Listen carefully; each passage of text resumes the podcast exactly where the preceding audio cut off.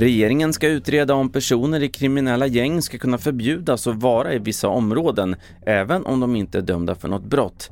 Ja, det sa justitieminister Morgan Johansson på en pressträff idag.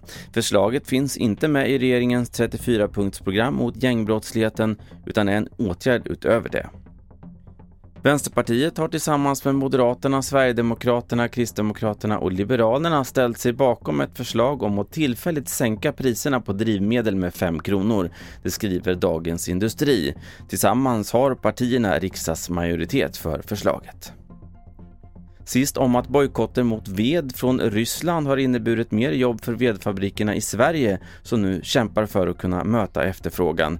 Men situationen kommer även leda till att veden blir dyrare.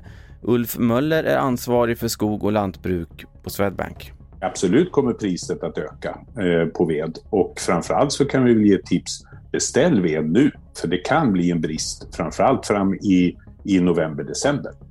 Kommer det ytterligare sanktioner så kommer vi inte få någon ved ifrån Ryssland till nästa vinter och då kommer ju den svenska bli än viktigare. Fler nyheter i appen TV4 Nyheterna. Jag heter Carl-Oskar Alsen.